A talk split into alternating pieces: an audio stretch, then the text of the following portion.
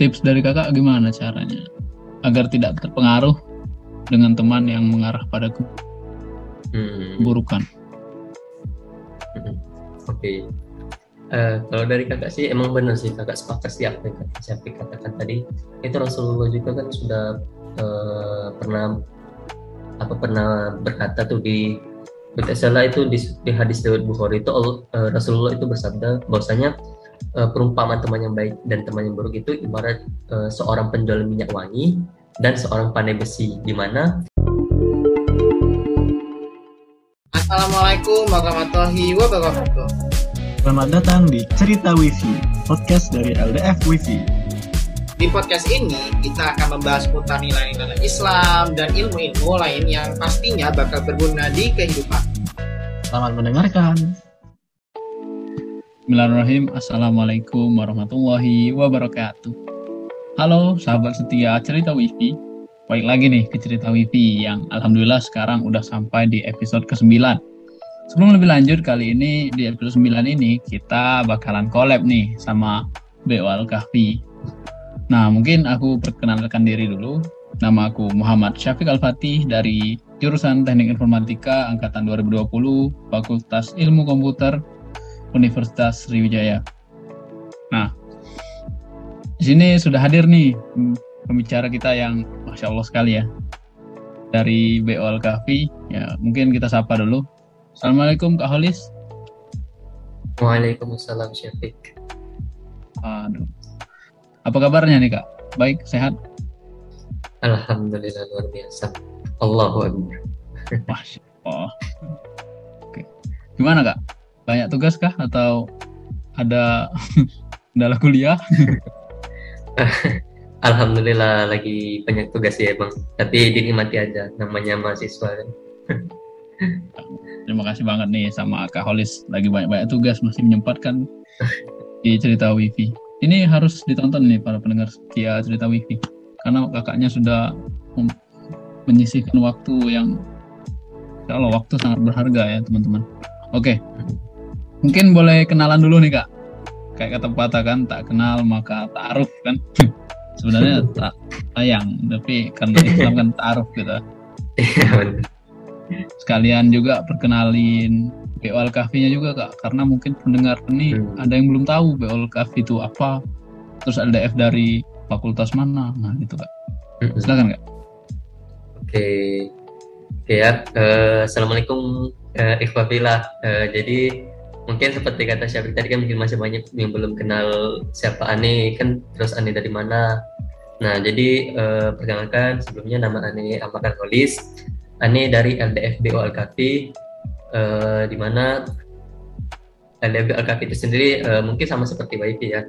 Eh, lebih bergerak eh, di bidang dakwah yaitu sebuah lembaga dakwah fakultas yang bergerak di bidang eh, dakwah eh, di lingkungan Fakultas Keguruan dan Ilmu Pendidikan atau FKIP di wilayah Palembang.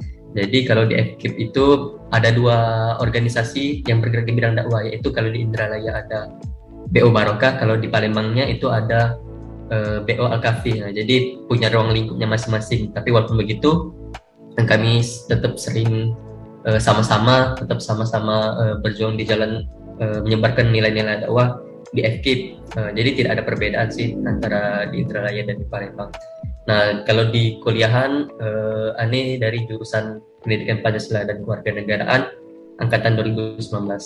Nah, di Alkafi juga Ane alhamdulillah diamanahkan sebagai eh, ketua umum LDF Alkafinya. Nah, mungkin itu sih perkenalan singkat dari Ane. Kalau mau lebih jelasnya mungkin bisa cek IG Alkafi itu nah di LDF. Ya, Sekalian promosi oke mungkin sekalian ini kak sertakan IG-nya kak nanti kita tag kan mungkin bisa di follow oleh sama teman-teman pendengar ya. Oke, sebenarnya nama eh, IG kakak itu nama IG ini tuh K underscore K H L S H H. Nah, mungkin agak sulit ya. Ya intinya eh, K underscore K H L S H H. Nah itu. Ntar biar ditulis sama panitia kak di kolom chat ya Oh, Di- iya. di captionnya nanti oh, Nah, mungkin teman-teman dari pendengar yang dari FKIP nih, khususnya di wilayah Palembang, boleh nih join BO Al Kahfi. Kebetulan udah mau buka ya kak, ya, open recruitment-nya. Mm-mm. Mungkin untuk rekrutmen uh, mungkin sekarang belum, tapi insya Allah dalam waktu dekat sih emang bakal dibuka. Oke, bagi yang silahkan dikunjungi IG BOL Kafi untuk info-info lebih lanjut ya. Nah, Kak Holis, Ya. jadi kali ini kita nih bakal bahas tema yang relate sih dengan keadaan seperti ini di tanggal-tanggal seperti ini, di mana ya tanggal-tanggal seperti ini kan udah mau masukin UTS nih kak. ya. Hmm. Nah, temanya ini itu memaksimalkan diri dalam dunia perkuliahan. Nah, mungkin relate juga sama pematerinya nih, sudah sepuh. Iya. Oke, oke. ya mungkin sebelum kita bahas maksimalkan diri dalam dunia perkuliahan kan ini kan dalam ini kan kuliah nih kak nah kalau menurut kakak nih kuliah ini apakah hanya untuk mencari ilmu duniawi atau juga bisa mencari ilmu akhirat tapi kan di kuliah kan sedikit kak ilmu akhiratnya mungkin di organisasi ya kali ya nah gimana kak menurut kakak Hmm. Oke. Pertanyaan awal tuh langsung berat. Jadi pertanyaannya soal kuliah sebagai eh, ilmu duniawi atau ilmu akhirat ya. Ya sih sebenarnya eh, kalau dari kakak sendiri sih emang kalau kita di Universitas Sriwijaya ini kan namanya universitas negeri ya mungkin eh, pembelajaran agamanya itu memang sedikit kurang. Nah, mungkin teman-teman juga merasakan tuh kan? Eh, atau Syafiq juga merasakan kan? Kalau kita belajar ilmu agama itu atau mata kuliah agama itu sendiri khusus di perkuliahan itu kan hanya di semester awal-awal itu antar semester 1 antar semester 3 nah itu mungkin emang ada mata kuliah khusus agama. Nah namun eh, memang kalau di luar daripada itu kan jarang sekali tuh ada eh, soal ilmu-ilmu agama itu. Padahal kan eh, sebenarnya kan seperti yang mungkin teman-teman juga ketahui kan eh, di mana Allah itu sudah pernah sudah berfirman tuh di dalam Al-Quran eh, kurang lebih eh, mungkin di Quran surat Az-Zariyat ayat 56 mungkin teman-teman juga bisa kalian cek di mana Allah itu bahkan berfirman tuh A'udzubillahi minasyaitonirrajim wa ma khalaqtul jinna wal insa illa liya'budun. Yang mana Allah eh, artinya itu eh, Allah itu tidak eh, menciptakan jin dan manusia itu melainkan untuk eh, untuk beribadah kepada Allah. Nah, artinya apa? Artinya bahwasanya man- manusia itu diciptakan untuk di dunia itu pada hakikat utamanya itu untuk eh, beribadah kepada Allah atau dengan kata lain itu untuk mengabdi kepada Allah. Nah, salah satu cara yang kita bisa lakukan untuk mengabdi kepada Allah itu kan ya tentunya mungkin selain dengan sholat, selain dengan puasa atau ini sebagainya itu tentu salah satu caranya juga itu dengan menggali ilmu-ilmu eh, ilmu-ilmu akhirat atau ilmu-ilmu agama Islam. Nah, termasuk juga itu kan di kuliah. Nah, memang tadi seperti yang sudah dikatakan itu kan memang kalau di universitas-universitas negeri itu kan memang masih kurang untuk ilmu, ilmu agama. Nah, jadi eh, padahal kan sudah disampaikan juga bahwasanya eh, ilmu agama itu adalah hakikat utama dari kita diciptakan ke dunia untuk eh, tujuan semata-mata itu untuk nanti kepada Allah. Nah, karena itu eh, emang sih kalau kita di Newton itu harusnya kita itu eh, jangan lupa dengan ilmu-ilmu akhirat, gitu kan?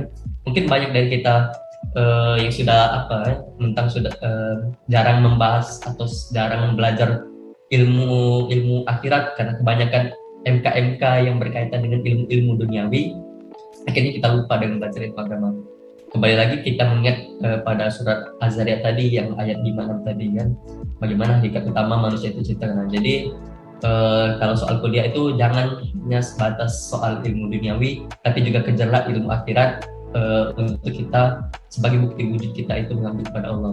Nah kalau memang kita apa tidak bisa dapat ilmu agama itu di MK-MK di perkuliahan itu itu sebenarnya di dunia itu kan banyak kan. Eh, ibaratnya selain di perkuliahan sendiri ada juga dunia di luar perkuliahan. Ya itulah tadi eh, di misalnya kayak di organisasi-organisasi atau kegiatan-kegiatan lainnya yang menunjang ilmu-ilmu keagamaan. Itu kan banyak tuh di kuliah-kuliahan tuh. Misalnya kayak gabung organisasi-organisasi yang bergerak di bidang dakwah dakwah kayak di LFWP atau LFB atau di Nadua dan sebagainya. Intinya eh, di organisasi-organisasi yang di bidang dakwah. Nah itu kan pasti banyak tuh di universitas-universitas termasuk di Universitas Sriwijaya nah bisa teman-teman ikutin gabung di eh, organisasi-organisasi yang bergerak di bidang dakwah itu nah atau bisa juga teman-teman eh, gabung di kegiatan-kegiatan yang bertemakan keislaman misalnya kayak webinar atau kajian-kajian keislaman atau lomba-lomba keislaman. Nah, itu kan bisa teman-teman ikut itu. Nah, jadi eh, tidak ada alasan sih untuk sekarang ini kita terhalang eh, di dunia perkuliahan eh, jangan beralasan kita kuliah di universitas negeri. Kita beralasan eh, jadi tidak bisa menggali ilmu ilmu agama. Padahal kan walaupun di universitas negeri pun sekalipun banyak tuh ilmu-ilmu agama. Sekalipun memang tidak sedikit uh, mungkin sedikit di perkuliahan sesungguhnya. Tapi kan bisa kita cari di luar perkuliahan. Nah jadi mungkin itu sih kalau dari kakak. Wah kalau jawabannya oke. okay. Mungkin itu untuk kuliah yang negeri ya, seperti Universitas hmm. Sriwijaya universitas lain-lainnya yang negeri nah hmm. bagaimana untuk universitas yang berbasis Islam kak yang jurusannya Islam seperti UIN kan atau hmm. Universitas Muhammadiyah nah, itu kan mencarinya ilmu akhirat kak. Hmm. Nah bagaimana kalau untuk ilmu duniawinya apakah juga harus balance kak? Hmm. Oke. Okay. Ya sih. Uh, kalau dari pendapat kakak sih, emang kalau kita bicara soal kuliah yang berbasis agama itu memang porsi uh, keagamaan itu memang lebih besar tuh daripada universitas, universitas negeri. Jadi emang kebanyakan mata kuliah mata kuliah mereka itu setahu kakak itu uh, pasti uh, ada kaitannya dengan uh, Islam misalnya gitu kan atau ujian-ujian mereka itu kan kebanyakan ini apa syaratnya tuh harus hafal surat ini harus hafal 37 sih baru nah emang porsi-porsi mereka itu untuk agama itu lebih besar. Ya karena emang namanya juga universitas berbasis agama. Nah tapi uh, begini uh, Allah itu juga pernah ber, Allah juga, juga sudah berfirman tuh di uh, mungkin di surat Al-Qasas uh, ayat 77. Nah, mungkin bisa teman-teman cek juga di mana Allah itu berfirman, Auzubillahi minasyaitonirrajim, uh, wa betahi fima atakhulud darul akhirata walatansa nasibaka minad dunia. Nah, di mana Allah itu uh, berfirman, uh, berkat, berfirman dan carilah pahala negeri akhirat dengan apa yang telah dianugerahkan Allah kepadamu, tetapi janganlah kamu uh, lupakan bahagianmu di dunia. Nah, itu artinya apa? Artinya Allah itu menghendaki kita uh, diciptakan dunia itu memang manusia itu pada akhirnya untuk menggali ilmu-ilmu akhirat. Hakikat utamanya itu untuk menggapai kebahagiaan dunia akhirat. Namun Allah juga mengatakan bahwasanya walaupun kita tujuan utama kita untuk untuk bahagia di dunia akhirat, tapi jangan lupa juga dengan bahagian kita dunia. Karena apa? Karena e, bagaimana sih kita bisa memperoleh kebahagiaan di akhirat kalau kebahagiaan dunia sendiri saja kita tidak bisa. Nah, jadi kalau menurut kakak sih uh, semakin kita bahagia di dunia itu malah justru semakin uh, membuat kita tuh menunjang kita untuk bahagia juga di uh, akhirat tuh. Nah, jadi walaupun teman-teman mungkin teman-teman berbasis keagam keagamaan itu lebih banyak uh, mungkin lebih banyak porsinya itu di bidang keagamaan, tapi jangan lupakan juga uh, bahagia teman-teman itu di uh, di ilmu-ilmu duniawi juga itu juga sangat penting. Jadi intinya bagaimana Allah itu menghendaki kita itu sebagai manusia itu untuk balance, balance seperti kata Syekh itu untuk balance antara ilmu agama dan ilmu duniawi yang pada hakikat tujuan utama itu yaitu itu tadi untuk memperoleh kebahagiaan di dunia dan di akhirat itu kehendak Allah di uh, yang diajarkan oleh Allah di dalam Al-Quran. Nah itu sih kalau dari kakak di jangan sampai salah satunya berlebihan yang satunya kurang gitu ya mm -hmm. Mm -hmm. Benar. nanti sibuk ibadah terus jadi lupa dunia lupa dunia Iya. jadi lupa makan gak terus yeah. nah oke okay, kak ya itu juga baik semuanya ya nih aku boleh cerita dikit nggak ya boleh boleh ya, mungkin ada boleh, boleh. aku kan punya temen nih kak nah mm. dia itu dari pas awal kuliah dia nih banyak benar dia ikut ikatan kegiatan-kegiatannya gitu organisasi ini urus hmm. itu baik yang dari dari ilmu duniawi ada yang organisasi tentang tentang bahas-bahas jurnal ada yang baik hmm. dengan yang di ilmu akhirat juga di LDF hmm. juga dia banyak hmm. ngikutinnya kak hampir tiga atau empat organisasi ditambah juga perkuliahan juga kan kak hmm. nah itu apakah itu sesuatu kuliah yang maksimal kak? Gimana menurut kakak? Hmm. Ya benar sih uh, pertanyaannya. Soalnya emang ini uh, mungkin sudah menjadi persepsi umum sih, persepsi kebanyakan mahasiswa. di mana emang banyak uh, mungkin apalagi bagi mahasiswa-mahasiswa baru tuh nah yang baru masuk dunia perkuliahan mungkin uh, jujur kakak juga pada awal-awal perkuliahan itu pandangan tuh gini uh, semakin banyak kegiatan atau semakin banyak kita mengikuti organisasi itu akan semakin uh, maksimal juga diri kita dalam meningkatkan kualitas diri kita di dunia perkuliahan artinya apa sih kalau semakin banyak itu berarti tandanya itu kita semakin maksimal padahal uh, sebenarnya sih memang kalau dari kakak sih persepsi itu sebenarnya tidak salah. Karena apa? Karena jujur kakak sendiri kagum kalau ada orang-orang yang ikut banyak organisasi atau ikut banyak kegiatan, uh, tapi juga bisa uh, bisa mak maksimal, maksudnya bisa ikut di mana-mana secara maksimal.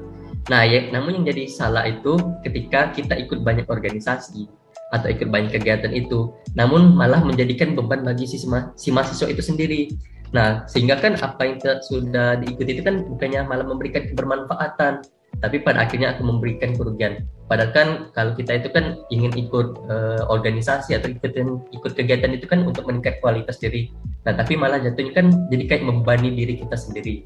Nah, apalagi kalau sudah sampai um, meninggalkan kewajiban kita, ibaratnya kan kita itu kan masuk dunia kuliah itu kan untuk belajar, untuk mencari ilmu Nah, tapi karena keasikan e, banyak kegiatan tadi, akhirnya kita malah ikut mengorbankan kuliah. Padahal kan itu kan sebenarnya kan nggak maksimal tuh malah jadi merugikan diri kita. Nah, mungkin itu tuh kalau dalam istilah psikologi, istilah psikologi itu mungkin lebih dikenal dengan e, toxic productivity. Nah, di mana orang-orang yang kayak gini nih, e, mereka ini terjebak di situasi yang mempunyai pikiran yang keliru di mana mereka harus terus mengembangkan diri, Nah, kalau tidak uh, produktif, mereka itu akan merasa bersalah. Nah, jadi toxic ini uh, mungkin kita itu taunya hanya toxic relationship, toxic people atau toxic friendship. Nah, tapi juga ternyata ada tuh toxic productivity. Artinya apa? Artinya kebanyakan produktivitas itu juga tidak baik bagi diri kita sendiri. Ya Allah juga uh, sehingga uh, setahu kakak itu Allah itu pernah berfirman tuh dalam Al-Quran itu bahwasanya uh, sesuatu yang berlebihan itu tidak baik bagi manusia. Sekalipun uh, hal itu berlebihan dalam hal yang positif itu. Sebenarnya itu juga tidak uh, tidak baik sih. Berlebihan uh, terlalu berlebihan. Nah termasuk seperti productivity ini. Productivity ini kan sebenarnya kan emang positif tuh. Nah tapi ketika sudah berlebihan itu jatuhnya bukan malah uh, bermanfaat tapi akan merugikan diri sendiri. Nah jadi uh, tapi bukan berarti ya bukan berarti kalau kita produktivitas itu semakin baik itu semakin tinggi itu artinya malah semakin uh, apa semakin jelek. Nah jadi gara-gara itu jadi kita oh berarti kalau tidak produktif itu malah semakin baik. Tidak juga seperti itu malah justru bisa dikatakan itu sangat disayangkan sih uh, jika kita tidak aktif mengikuti kegiatan atau organisasi di kampus karena itu sama saja kita itu menyanyiakan waktu kita di perkuliahan yang seharusnya uh, waktu kurang itu menjadi tempat bagi kita untuk semakin baik dalam segi kualitas diri. Nah, jadi uh, maksimal yang baik di sini adalah uh, kalau dari kakak itu adalah yang mengarah kepada uh, mengikuti kegiatan yang benar-benar bisa meningkatkan kualitas dalam diri kita. Nah, artinya nggak uh, peduli sih seberapa kegiatan, seberapa banyak kegiatan kita ikuti, mau kita empat, mau kita lima, atau mau kita dua pun, atau satu pun, itu nggak masalah. Yang penting uh, kegiatan kita ikut itu benar-benar bisa memaksimalkan diri kita, bisa benar-benar meningkatkan kualitas kapabilitas diri kita secara maksimal, tidak membebani diri kita. Nah itu sih yang maksimal di dalam dunia perkuliahan sesungguhnya itu begitu. Jadi uh, percuma kalau kita banyak kegiatan, tapi ternyata kita tidak bisa maksimal atau hanya ibaratnya atau mungkin istilah dikenalnya itu uh, apa sih nebeng nama aja tapi tidak pernah berpartisipasi. Nah itu kan bahkan merugikan diri sendiri juga mungkin organisasi yang kita ikuti. Nah tapi yang benar itu maksimal yang benar itu adalah yang kita bisa uh, berpartisipasi secara maksimal. Nah jadi nggak peduli berapa jumlahnya yang penting bisa efektif lah untuk kita. Nah mungkin itu sih dari kak. Oke jadi kita ini kak ya harus mengetahui kemampuan diri kita sendiri kita mm -hmm. bisanya berapa. Nah ya hmm. Terus tadi juga kata kakak kalau nggak nggak boleh berlebihan ya mungkin balik lagi ke yang kita pertanyaan sebelumnya tadi kan ya harus balance ya. Nah iya. Hmm, oke oke kak. Nah mungkin lanjut nih kak. Kan ini misalnya misalnya ada maba nih kak. Maba tuh kan kalau awal-awal tuh kan dia pas kuliah ya masih malu-malu lah kak eh, gitu. Nah mungkin kadang-kadang tuh kalau atau jaringan jelek atau ada info-info perkuliahan itu kadang-kadang terlewat. Apalagi kalau kita lagi nggak masuk misalnya sakit kak ya nah misalnya ada tugas atau apa-apa itu kadang-kadang kita ya tidak tahu gitu kak. Terus kalau biasanya juga di grup kadang-kadang ada yang diem-diem gitu kak nah gimana sih kak cara pintar untuk mencari cari info untuk kuliah nih kak biar kita tidak ketinggalan gitu kak ya sih uh, kalau dari kakak sih gini uh, waktu sebelum apa sebelum jadi mahasiswa itu mungkin sudah lulus nih dari SN, SNM, SBM atau Mandiri. Nah itu kan belum secara resmi jadi mahasiswa tuh. Nah di situ sih pentingnya uh, mencari mencari info terutama kan soalnya kan ini ada pengalaman dari teman kakak tuh. Di mana dia ini kan baru masuk uh, emang baru tahun ini sih. Ibaratnya sudah dia gap year tapi baru jadi baru daftar tahun ini. Nah teman kakak tuh gini. Dia tuh karena mungkin entah cuek nggak peduli itu dengan kuliah yang penting lulus sudah. Nah akhirnya dia tuh nggak nyari-nyari info lagi. Nah akhirnya suatu ketika tuh uh, dia tuh ketinggalan uh, ketinggalan mata kuliah karena nggak nyari info ini. Jadi dia tuh masuk grup uh, grup apa grup kelasnya itu satu hari setelah uh, setelah mata kuliah. Jadi ibaratnya mulai kuliah itu hari Senin, nah dia baru masuknya itu hari Selasa. Nah jadi kan dia itu kan ketinggalan info tuh. Nah itu kenapa pentingnya nyari pinter-pinter nyari info. Jadi gini ya, uh, mungkin teman-teman yang baru jadi mahasiswa uh, kalau kita harus disadari itu kalau kita ketika masuk dalam perkuliahan itu kita tuh harus aktif. Aktif dan pinter-pinter cari info tuh. Nah kita nggak bisa lagi kayak kita waktu SMA yang mana kita itu biasanya hanya menunggu info-info dari sekolah tuh kan. Sekolah yang aktif memberi kita info itu bagaimana selanjutnya selanjutnya selanjutnya bagaimana. Nah itu nggak bisa lagi kita ikut cara seperti itu. Nah, tapi di dalam perkuliahan ini kita tuh harus aktif mencari-cari info soal itu nah misalnya kita uh, belum ada grup kelas tuh. Nah kita cari info soal grup kelas kita itu kira-kira sudah ada atau belum. Bisa kalau nggak ada konten ini kan bisa kita lihat di IG itu Instagram. Uh, ibaratnya Instagram himpunan dari jurusan yang tempat kita lulus itu. Nah bisa kita chat melalui itu nanyain apakah sudah ada uh, info terkait uh, grup kelas angkatan begini ini ini ini.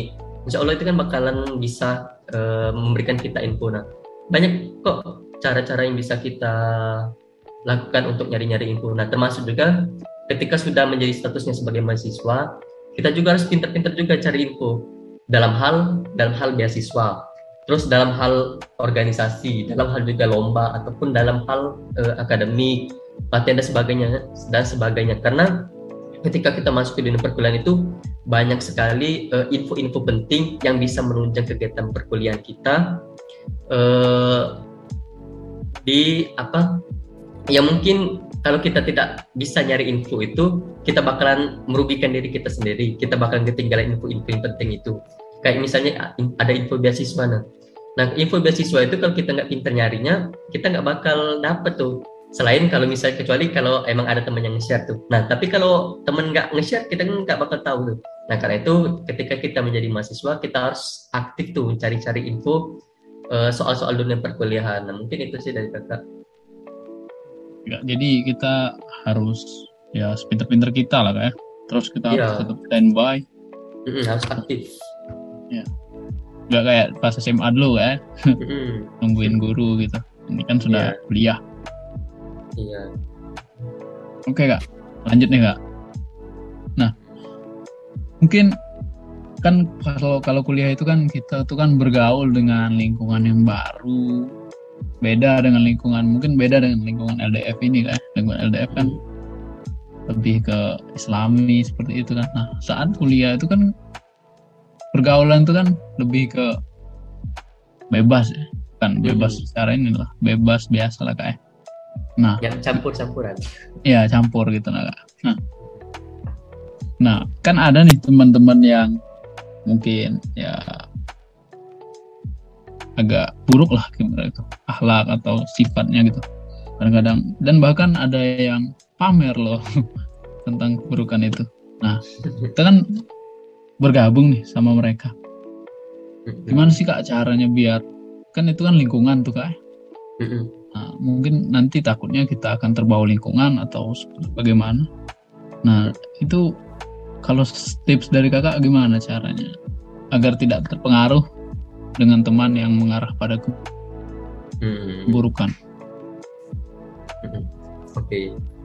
Eh, kalau dari kakak sih emang benar sih kakak sepakat sih apa yang kakak Syafiq katakan tadi itu Rasulullah juga kan sudah eh, pernah apa pernah berkata tuh di salah itu di, di hadis riwayat Bukhari itu eh, Rasulullah itu bersabda bahwasanya eh, perumpamaan teman yang baik dan teman yang buruk itu ibarat eh, seorang penjual minyak wangi dan seorang pandai besi di mana penjual minyak wangi ini mungkin akan memberi kita itu eh, memberi kita minyak wangi. Jadi kita ikutan wangi. Atau kalau tidak eh, kita bisa membeli minyak wangi dari penjual minyak wangi itu. Nah atau eh, kalaupun tidak bisa membeli itu kan kita bisa tetap mendapatkan bau harum itu dari penjual minyak wangi tersebut. Nah artinya apa? Artinya teman-teman yang baik itu bisa memberikan pengaruh kita yang positif juga. Nah sedangkan kalau yang teman yang buruk tadi kan itu kan diibaratkan sebagai seorang pandai besi itu. Nah di mana eh, pandai besi ini kan bisa jadi percikan apinya itu mengenai pakaian kita. Kalau kita dekat mereka tuh kan nah atau eh, bau sedap dari pandai besi itu kan mungkin bisa ikut eh, ke kita itu bisa terkena juga kita. Nah itu perumpamaan dari Rasulullah. Nah itu artinya apa artinya bahwasanya eh, memang lingkungan lingkungan atau eh, teman itu tadi itu bisa mempengaruhi kita juga berperan besar di dalam eh, bisa berpengaruh besar dalam perkuliahan kita nah karena itu eh, apa ya penting-penting lah eh, pentingnya bagi kita untuk mengetahui lingkungan kita itu bagaimana. Nah alhamdulillah kalau misalnya kita berteman dengan lingkungan yang mengajak kita yang positif. Nah tapi eh, kalau misalnya ada lingkungan yang mengajak kita yang ke negatif itu bagaimana? Seperti kata katakan tadi kan, nah tentu itu kan bakalan merugikan diri kita sendiri. Nah sebenarnya kalau dari kakak sih bukan lingkungan tersebut yang disayangkan karena apa? Karena kalau bagi kakak sih kita masih bisa mengubah lingkungan yang positif tadi, eh lingkungan yang negatif tadi menjadi lingkungan yang positif. Nah yang disayangkan itu ketika kita sudah eh, berada di lingkungan yang negatif, eh, kita juga malah jadi ikutan apa? eh, ikutan Kan ikutan terjerumus tuh. Nah ke yang negatif tuh kan? Nah itu yang sangat disayangkan. Bukan malah kitanya yang mengajak dari lingkungan negatif itu menjadi positif. Nah karena itu kalau dari kakak sih saran yang pertama itu eh, kita tuh harus punya prinsip. Prinsip-prinsip positif yang harus selalu kita pegang dan kita tanamkan dalam diri nah contohnya misalnya jika ada teman kita yang jarang sholat tuh nah bisa kita ajak eh, untuk teman kita kita itu untuk membiasakan dia sholat. Atau jika ada teman kita tuh yang suka buang sampah sembarangan tuh kan nah bisa kita beri contoh juga untuk ngajak membuang sampah sembarangan eh membuang sampah pada tempatnya. Nah, dan contoh-contoh lainnya. Nah termasuk juga eh, ini mungkin agak panjang ya. Eh, jadi termasuk juga kalau misalnya dalam perkuliahan tuh. Nah misalnya dalam organisasi jadi gini kalau jujur eh, di lingkungan kakak itu eh, semangat berorganisasi itu mungkin masih kurang. Nah jadi teman-teman kakak teman-teman kakak itu kebanyakan mereka itu orang-orangnya itu nggak aktif organisasi itu. Nah padahal kan seperti yang sudah kakak sampaikan tuh tadi kan kalau sebenarnya organisasi itu bisa meningkatkan kualitas diri kita meningkatkan kapabilitas diri kita yang tidak bisa kita dapatkan di dunia perkuliahan. Nah itu bisa kita dapatkan di dunia organisasi nah jadi kalau misalnya kakak terpengaruh eh, dengan teman-teman kakak jadi semang- tidak semangat organisasi itu bisa-bisa kakak juga apa ya kuliah itu cuman datang eh, ngis buat tugas dengerin ceramah dosen pulang tidur ya kayak gitu terus sampai 4 tahun. Jadi kan kakak nggak punya kesempatan untuk meningkatkan kualitas diri kakak. Nah gara-gara kakak terpengaruh teman-teman tadi yang nggak apa yang nggak aktif atau nggak semang- punya semangat organisasi itu tadi.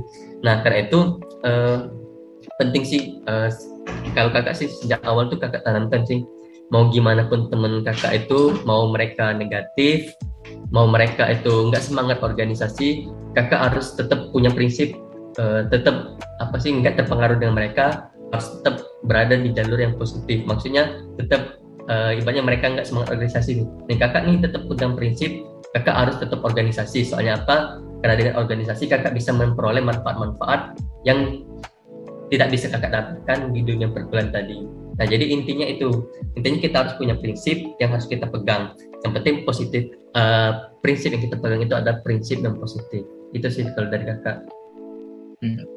Nah, gimana kalau begini kak? Kan kita tuh kan sudah menegur gitu kan. Menegur, terus kita sudah berusaha emang kita menjaga prinsip-prinsip kita. Nah, tapi dari teman-teman yang lain nih yang buruk-buruk itu malahan mungkin bercanda ya mungkin kali ya. Tapi Mhm. mereka tuh malahan malah nambah menawarkan kita gitu. Nambah Hmm. kayak menghasut kita gitu. Tapi mungkin konsepnya emang mungkin main-main agak ngerti lah main-main. Hmm. Tapi itu gimana lah kak cara menyikapinya tuh kak? Mm-mm. Ya sih, emang kebanyakan eh, emang kakak juga sering sih ngalamin gitu, bukan sering. Malahan setiap lingkungan itu pasti ada tuh yang pasti yang negatif-negatifnya. Hmm. Nah, itu memang tidak bisa kita hindari itu orang kayak gitu kan. Ya, yang penting sih gini, apa sih? Yang penting kita itu jangan ikutan ikutan mereka tuh, ikutan yang negatif-negatif tadi. Ya terserah sih mereka mau negatif gimana. Ibaratnya gini ya. Misalnya kita ada teman kita yang negatif, terus kita eh terus dia mereka tuh ngajak kita tuh untuk ngikut mereka ke hal-hal yang negatif tadi. Ya gimana yang penting kita itu jangan terjerumus gitu. Yang penting kita itu kayak kata, kata kakak tadi yang penting kita itu jangan eh, ikutan mereka. Jangan ikut terjerumus ke yang negatif. Yang penting kita eh, memegang prinsip prinsip-prinsip yang positif tadi.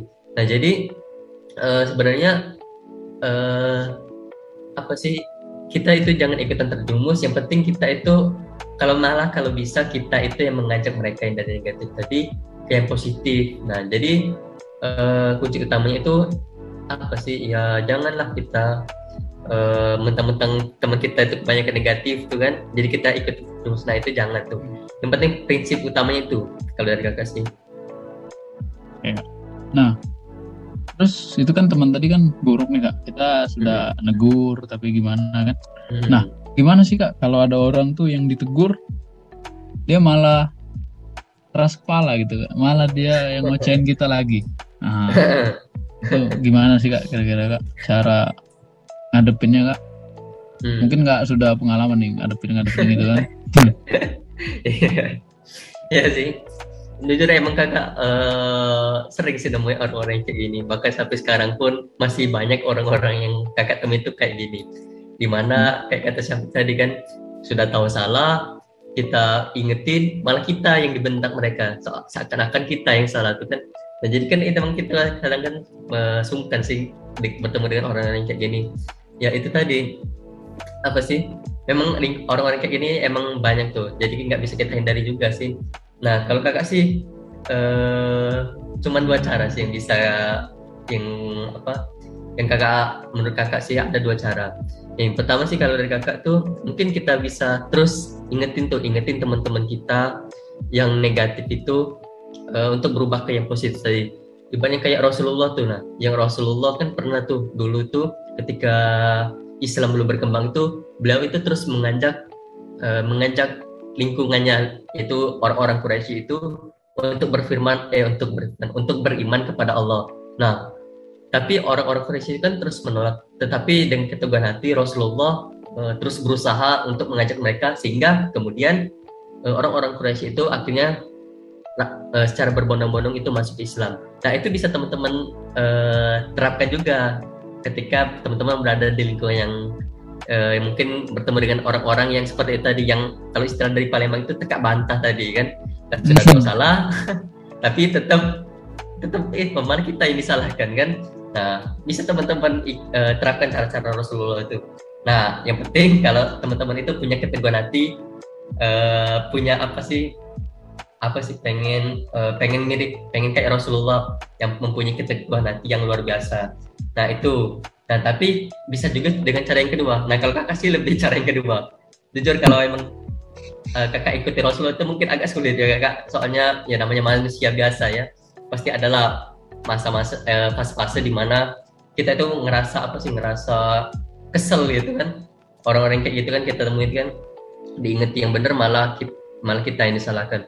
Nah, atau yang kedua, kalau kakak sih gini, apa yang kedua tuh eh, mungkin kita lebih ke apa sih? Lebih ke apa ya lebih ke acuh sih lebih ke acuh. Maksudnya lebih kita nggak ngaguin mereka tuh pas sebenarnya nggak ngaguin mereka.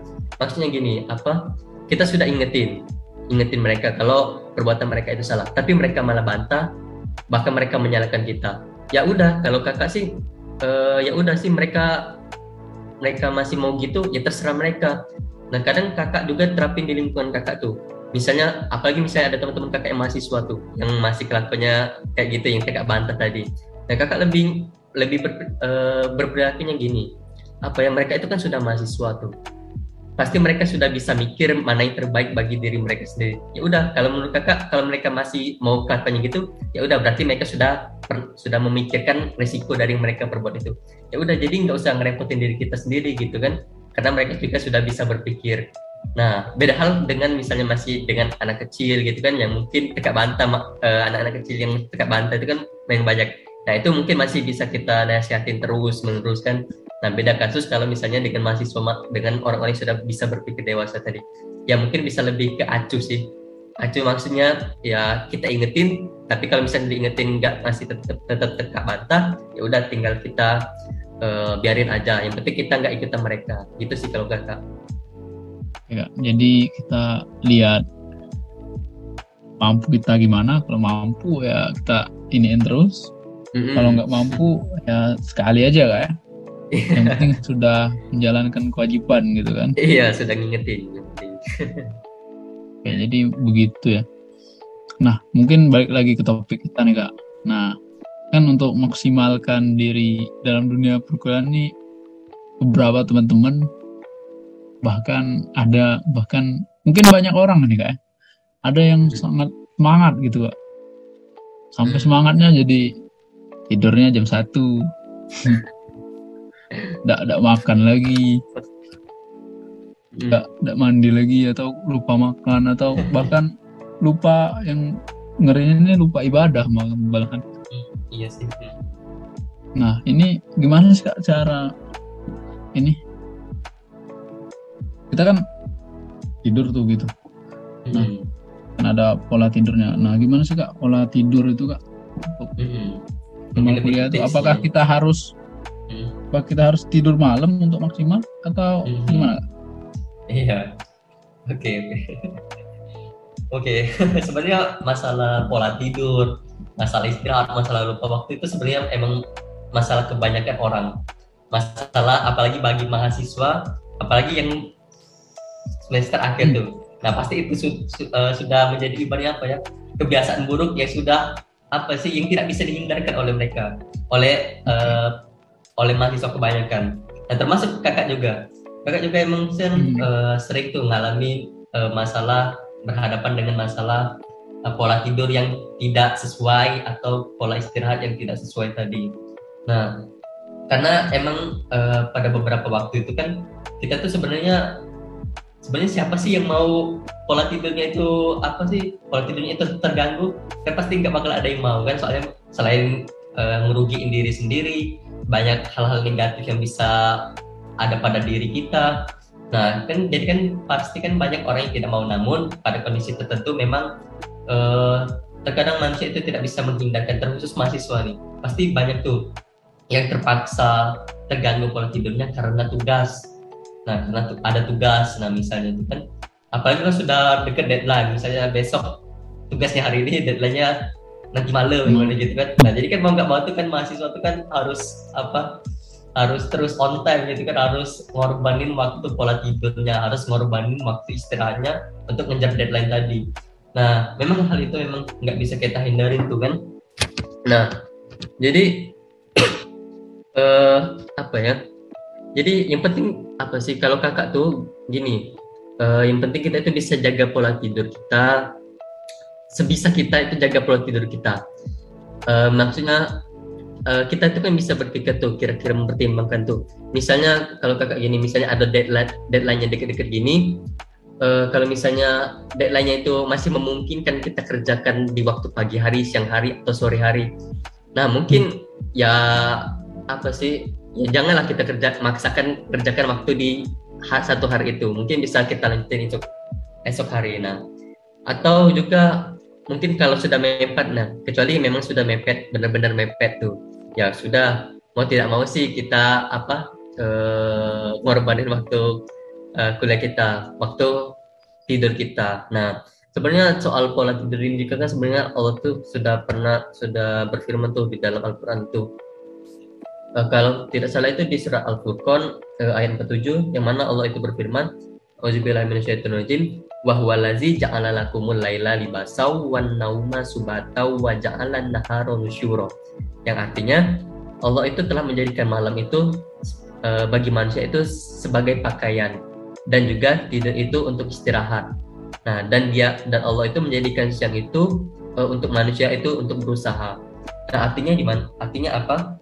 Artinya Allah itu sudah memang menciptakan waktu malam itu bagi manusia manusia itu untuk untuk istirahat, untuk tidur. Atau perumpamaan dari Allah itu malam itu sebagai pakaian.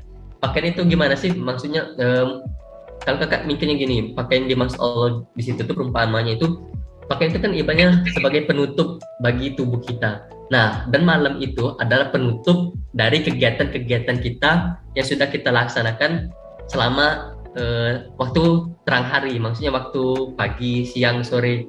Nah, itu ditutupi dengan waktu malam. Nah, jadi memang Allah itu menciptakan waktu malam dan keadaan gelap itu untuk uh, manusia itu istirahat. Nah, jadi sebenarnya hal-hal seperti ini kan memang sudah diatur oleh Allah. Nah, namun memang apa ya terkadang memang kayak kata kakak tadi itu kan terkadang pada beberapa kondisi tertentu kita nggak bisa uh, menghindari dari terganggunya pola tidur kita.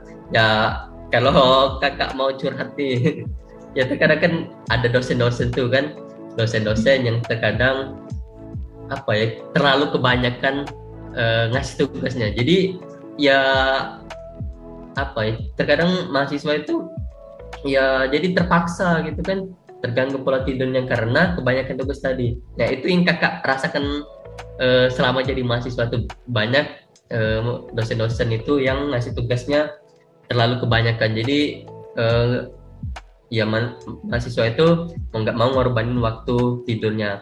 Nah padahal kan uh, kalau kakak bukan nyalain dosen ya, maksudnya kayak ini. Kalau dosen-dosen itu pengerti, uh, paham sih uh, paham dengan ayat yang kakak sampaikan tadi. Mungkin bolehlah dosen-dosen itu mempertimbangkan lagi untuk uh, ngasih tugas, uh, ngasih tugasnya itu yang apa yang nggak terlalu membebani mahasiswa sehingga mahasiswa sendiri nggak mengorbankan waktunya. Nah mungkin itu sih uh, sedikit apa sedikit curhatan dari kakak dan terkait pola tidur yang benar tadi. Yang penting kita itu bisa jaga-jaga, pinter-pinter jaga pola tidur kita sih. Itu sih dari kakak. Oke, nah iya sih kak, benar sih kak. Banyak emang banyak dosen tuh kadang-kadang tuh tugasnya mepet, deadline-nya sehari gitu kak. Nah itu yang agak memakan waktu tidur itu. Terus deadline-nya juga jam 12. Mungkin aku nah. juga curhat sebagai mahasiswa juga. Jadi ya gimana ya, misalnya dia ngasih tugas kan. Ya kalau deadline-nya tuh kalau bisa jangan sehari lah mungkin minggu atau tiga hari atau lima hari lah kalau sehari itu kan habis matkulnya mungkin ada matkul lain. Matkul lain kan nggak bisa sambil ngerjain tugas tuh. Iya. Benar-benar itulah yang kakak katakan tadi kondisi-kondisi yang memang tidak yang memaksa kita untuk terganggu pola tidur. Itu kondisi satu-satunya. Yaitu oh. deadline yang mepet tadi contohnya. Mm -mm. itu sih. Masalahnya ya di... mungkin bisa dipahami juga sih oleh dosen-dosen. Bukan maksudnya ya. apa ya uh, nuduh dosen itu gimana gimana gitu ya apa mungkin bisa dipahami lah kondisi mahasiswa oleh dosen itu kan bisa dosen-dosen pahami lah gitu sih ya. Nah, mungkin bagi dosen yang dengar podcast ini, apa, mohon maaf Pak, mohon maaf Bu, tapi ini memang problematika kami ya. Dari yang semester lima, ya. semester tiga, mungkin di untuk maba juga seperti ini mungkin. Nah, ini Kak, kan terkait pola tidur tadi Kak.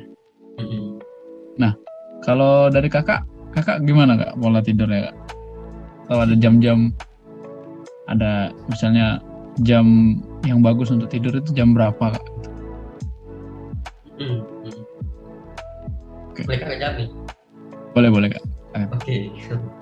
Iya kalau kakak sendiri sih gini. Eh, kakak sekarang ini emang sih eh, kakak saat ini nih sedang eh, megang beberapa organisasi. Terus kakak juga ikut beberapa program pengabdian dari pemerintah. Terus kakak juga punya acara rutin keluarga berupa pengajian. Terus kakak juga punya waktu untuk bersama teman-teman. Nah itu kan terkadang benar-benar padat. Belum lagi waktu eh, untuk tugas untuk ngerjain laporan nah itu kan terkadang memang kadang bikin eh, apa sih dalam satu hari itu benar-benar padat gitu kan. Jadi kakak sekarang emang juga padat sih dari pagi siang sore itu benar-benar full dengan yang namanya kuliah pengabdian terus organisasi itu benar-benar padat. Nah sampai-sampai sering kali kakak itu ketika sudah uh, kakak tuh sering sih namanya uh, dalam satu hari itu pulangnya sampai malam dari pagi sampai malam kakak itu baru di rumah.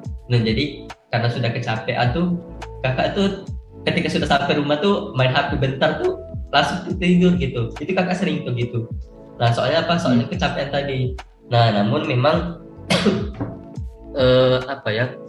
Uh, yang penting uh, kakak tidur itu kalau dari kakak sih sesudah kita melaksanakan kewajiban kita ingat tadi kan kewajiban utama uh, hakikat manusia diciptakan ke dunia itu kan untuk mengabdi kepada Allah untuk beribadah kepada Allah artinya apa Artinya jangan sampai kewajiban-kewajiban kita terhadap kepada apa yang telah diperintahkan oleh Allah itu terabaikan. Nah, termasuk dalam waktu tidur tadi. Nah, artinya apa? Artinya maksud kakak itu dalam waktu tidur itu jangan sampai kita tidur itu se sebelum terlaksananya kewajiban kita. Nah, dalam hal ini dalam hal sholat tuh. Nah, jadi waktu ideal untuk kita tidur itu sesudah kewajiban kita dilaksanakan. Nah, kalau malam itu kan kita tuh ada sholat isya tuh, yang kewajiban kita. Nah, jadi jangan sampai kita tuh tidurnya itu sebelum sholat isya nah jadi teman-teman kalau mau tidur itu sholat isya dahulu atau sholat, uh, sholat maghrib dulu sholat baru sholat isya tuh kan nah yang penting jangan tidur di waktu-waktu sebelum sholat isya itu nah itu jangan sampai uh, jangan sampai kita lakukan tidur tidur di jam seperti itu karena sama saja kita tidak melaksanakan kewajiban kita nah itu tentu akan ada konsekuensi dari Allah Subhanahu wa taala. Nah, jadi tidur jam jam tidur yang ideal bagi kakak adalah jam tidur setelah kita melaksanakan kewajiban kita yaitu setelah sholat isya. Nah, itu sih kalau dari kakak. Jadi ya kita tetap ingat kewajiban walaupun kita sudah capek kan. Tetap mm -hmm. Ya, kita sholat dulu. Mm -hmm. Itu juga termasuk dengan tidur siang nggak kak? Hmm.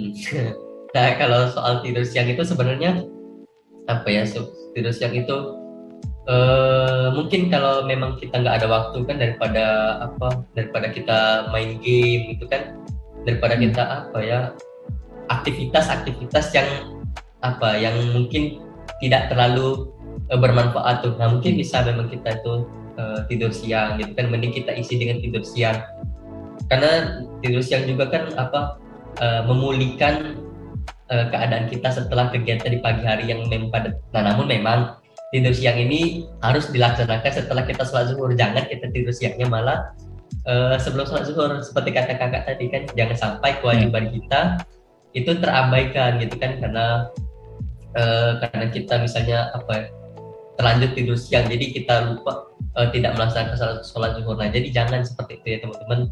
Nah, termasuk juga kita tidur siang itu jangan okay. terlalu lama-lama kan? Kalian itu juga nggak baik bagi hmm. diri kita. Nah jadi kalau soal tidur siang sih kalau dari kakak sih uh, kalau emang bisa tidur siang tidur siang. Tapi jangan kelamaan juga tidur siangnya soalnya nggak baik juga. Gitu sih. Oke kak. Jadi ya tidur itu baik tapi jangan berlebihan. Seperti yang sebelum sebelumnya nah, tadi ya kak eh? mm, itu beda lagi kalau memangnya tidur malam ya nggak apa-apa kan tidur dari malam sampai sebelum subuh ya. itu emang lama sih kalau malam Iya. Ini Kalau tapi sebentar, ini lucunya tuh bangun. Iya, tapi lucunya gini, apa ada beberapa orang tuh uh, dulu emang kakak juga sempat kayak gitu. Apa hmm. istilahnya hmm. tuh orang-orang yang kayak kelelawar gitu kan. Hmm. Uh, siangnya tidur, malamnya aktif. Jadi kan mirip tuh kayak. Nah, itu banyak tuh orang yang kayak kayak gitu kan. Padahal kan seperti kakak katakan tadi sebenarnya kan hal-hal seperti itu sudah diatur oleh Allah di mana tidur uh, malam itu untuk tidur, sedangkan siang itu untuk kita berkegiatan, bukan malah sebaliknya. Nah, jadi ya tolonglah kayak yang kalau masih ada yang kita kayak gitu kan kayak apa kayak kelelawar tadi kan ya ubahlah uh, cara tidur kita pola tidur kita pola istirahat kita sesuai dengan apa yang telah aku katakan itu sih ya memang ada beberapa yang terbalik gitu ya iya oke kak lanjut nih kak nah kan kita kan memaksimalkan diri dalam perkuliahan ini ya tujuannya untuk bisa mendapatkan hasil yang bagus dalam kuliah dan nantinya bisa untuk masuk ke pekerjaan nih kak. Hmm. Nah, mungkin untuk memaksimalkan tadi, nah soft skill apa sih kak yang bisa kita gali? Contoh-contoh soft skill yang bisa kita gali semasa kuliah dengan maksimal supaya nanti berguna kak, di saat kita bekerja. Hmm. Gimana itu kak? Oke, okay. ya sih kalau hmm, kalau menurut kakak sih gini apa terkait uh, soft skill ini emang uh, terbagi jadi tiga sih. Ada soft skill yang memang benar-benar kita butuhkan, ada soft soft skill yang kita butuhkan, ada soft skill soft skill yang mungkin apa sih kalau kita dapat alhamdulillah kalau nggak tuh ya udah gitu kan. Nah kalau terkait dengan dunia pekerjaan, nah emang kita di dunia perkuliahan ini kan sebenarnya kan uh, di, di apa sih emang benar-benar ditempa untuk kemudian kita itu uh, benar-benar siap terjun di dunia pekerjaan.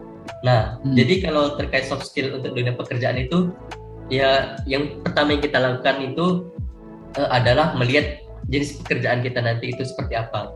Nah, contohnya gini, contohnya kakak kan kakak uh, dari PPKN Fakultas Keguruan dan Ilmu Pendidikan. Nah, jadi kemungkinan besar kakak itu nanti waktu pekerjaan itu bakalan jadi guru gitu kan dan tentunya soft skill soft skill yang perlu kakak cari itu adalah soft skill soft skill yang bisa menunjang kakak ketika menjadi guru nanti contohnya apa contohnya misalnya kakak uh, soft skill public speaking nah uh, soft skill public speaking itu bagi guru itu sangat penting itu yaitu uh, kemampuan untuk berbicara di depan orang banyak Nah, apalagi kan waktu kakak jadi guru nanti kan akan mengajari banyak orang tuh, termasuk anak-anak SD, anak SMP, atau mahasiswa, atau juga orang-orang umum. Nah, nah itu sangat dibutuhkan tuh soft skill uh, public speaking. Nah, karena itu kakak uh, harus nyari uh, soft skill soft skill yang uh, apa yang benar-benar menunjang kakak di uh, pekerjaan nanti.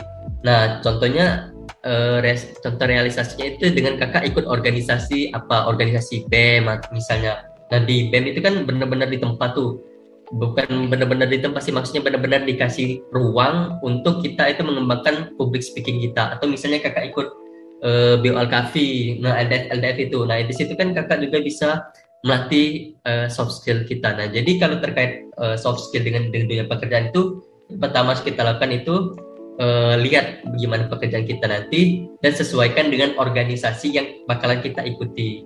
Nah itu sih kalau dari kakak. Oke kak.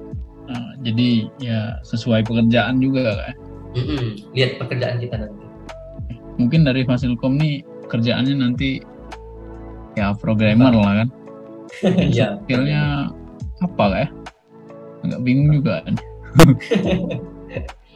hmm mungkin mungkin ada nggak kira-kira ya, organisasi yang apa ngoding itu di unsur ini mungkin ada nggak kira-kira hmm, kalau organisasi ngoding kalau ada yang khusus untuk bukan organisasi tapi ini kak ini kayak komunitas gitu kak hmm.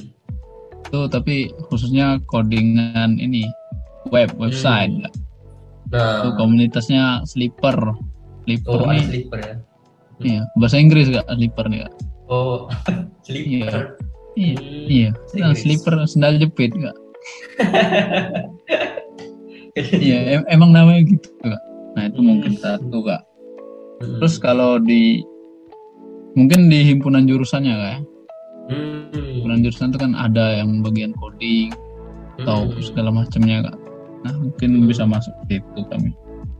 Iya benar-benar. Itu harus sih ikut ikut gitu kan soalnya kan apa ya kalau di, di kuliah itu kan emang kadang kita masih kurang tuh waktu waktu kita untuk mengembangkan soft skill kita dan karena itu perlulah kita ikut organisasi organisasi yang memang benar-benar menunjang uh, soft skill kita khusus untuk ketika kita kerja, nanti sih Nah contoh kayak Fasilkom tadi kan, nah bisa tuh ikut sleeper atau ikut uh, himpunan jurusan itu kan pasti bakal ada soft skill soft skill uh, yang berkaitan dengan Fasilkom nanti lulusan Fasilkom nanti.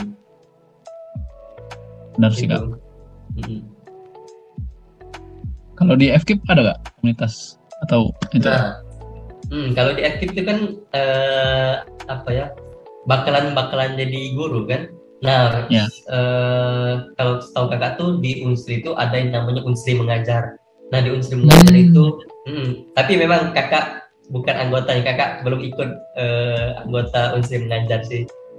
Karena kakak mikirnya gini apa, kakak sudah kebanyakan organisasi, kakak takutnya malah apa malah terbebani kata kakak tadi kan malah jadi beban dari kakak. Nah tapi kakak hmm. uh, ikut uh, ikut program apa program mengajar juga sih kakak. Nah jadi sebagai ganti kakak nggak ikut unsur mengajar tadi kakak ikutnya uh, program uh, program mengajar dari pemerintah. Nah, jadi kan sama-sama kakak bisa juga tetap dapat pengalaman terkait soft skill mengajar tadi. Nah, jadi di kalau di berkaitan dengan FK itu mungkin lebih ke unsur mengajar tadi. Di mana setahu kakak sih di unsur mengajar itu kita itu benar-benar kayak dibikin uh, dunia persekolahan tuh. Nama apa nama ketuanya aja nama ketuanya aja itu sebutannya itu kepala sekolah. Nah, jadi benar-benar diciptakan sebuah ekosistem yang benar-benar kayak lingkungan sekolah. Nah itu bisa teman-teman ikutin juga tuh. Jadi soft skill soft skill yang didapat itu benar-benar uh, soft skill soft skill yang bisa menunjang kita ketika jadi guru nanti. Nah itu contohnya, contoh organisasi yang kita ketahui. Ya, itu setahu aku temanku juga ada yang ikut juga. Oh ada juga.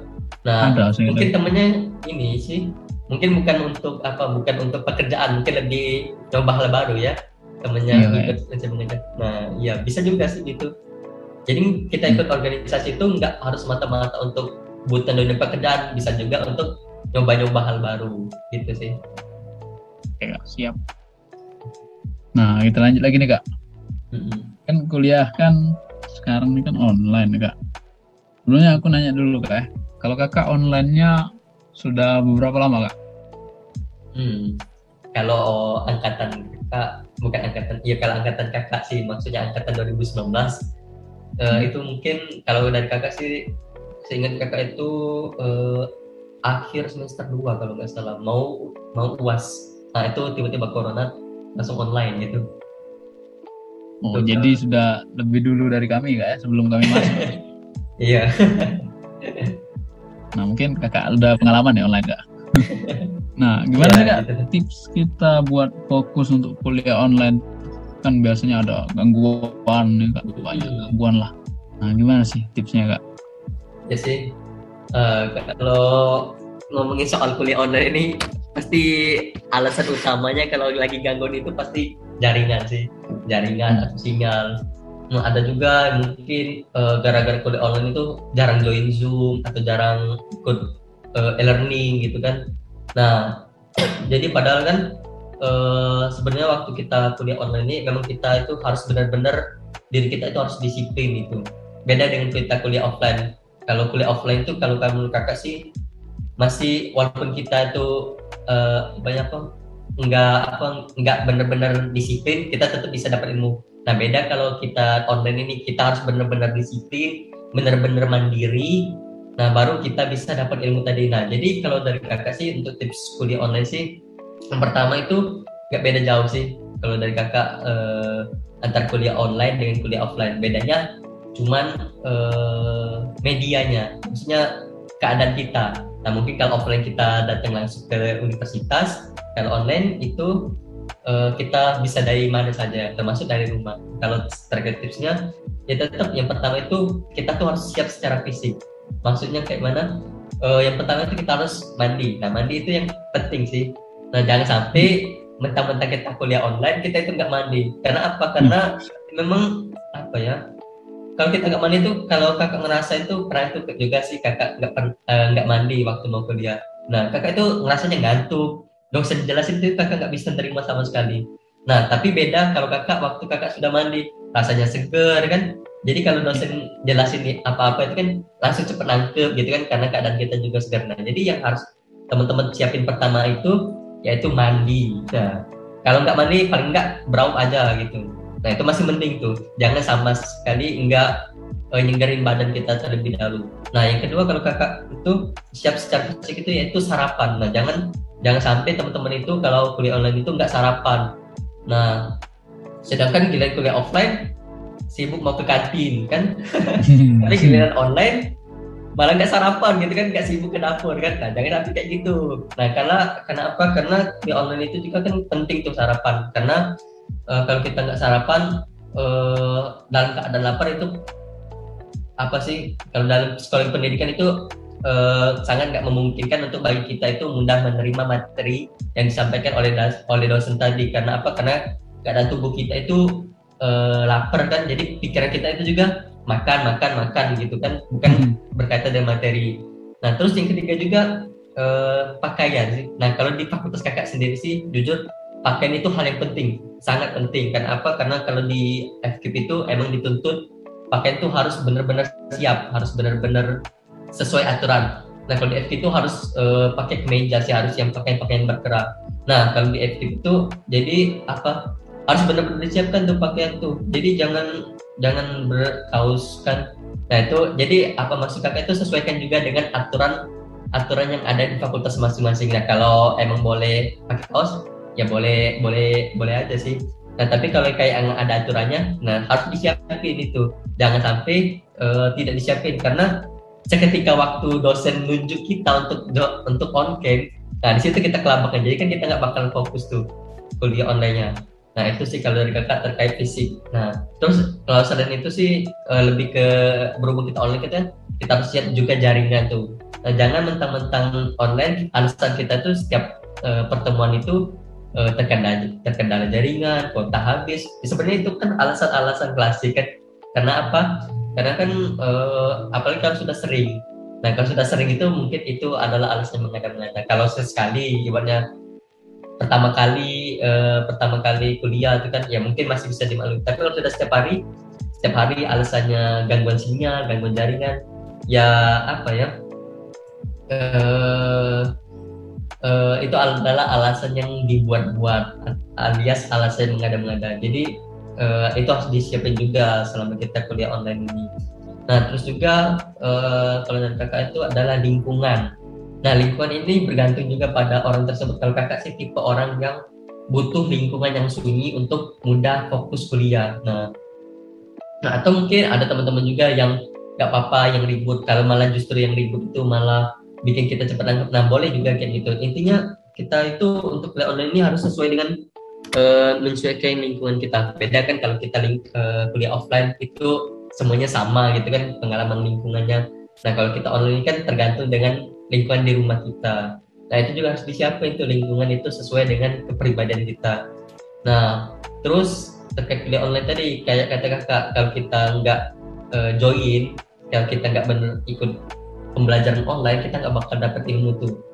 Nah jadi uh, tips kakak selanjutnya yaitu join zoom.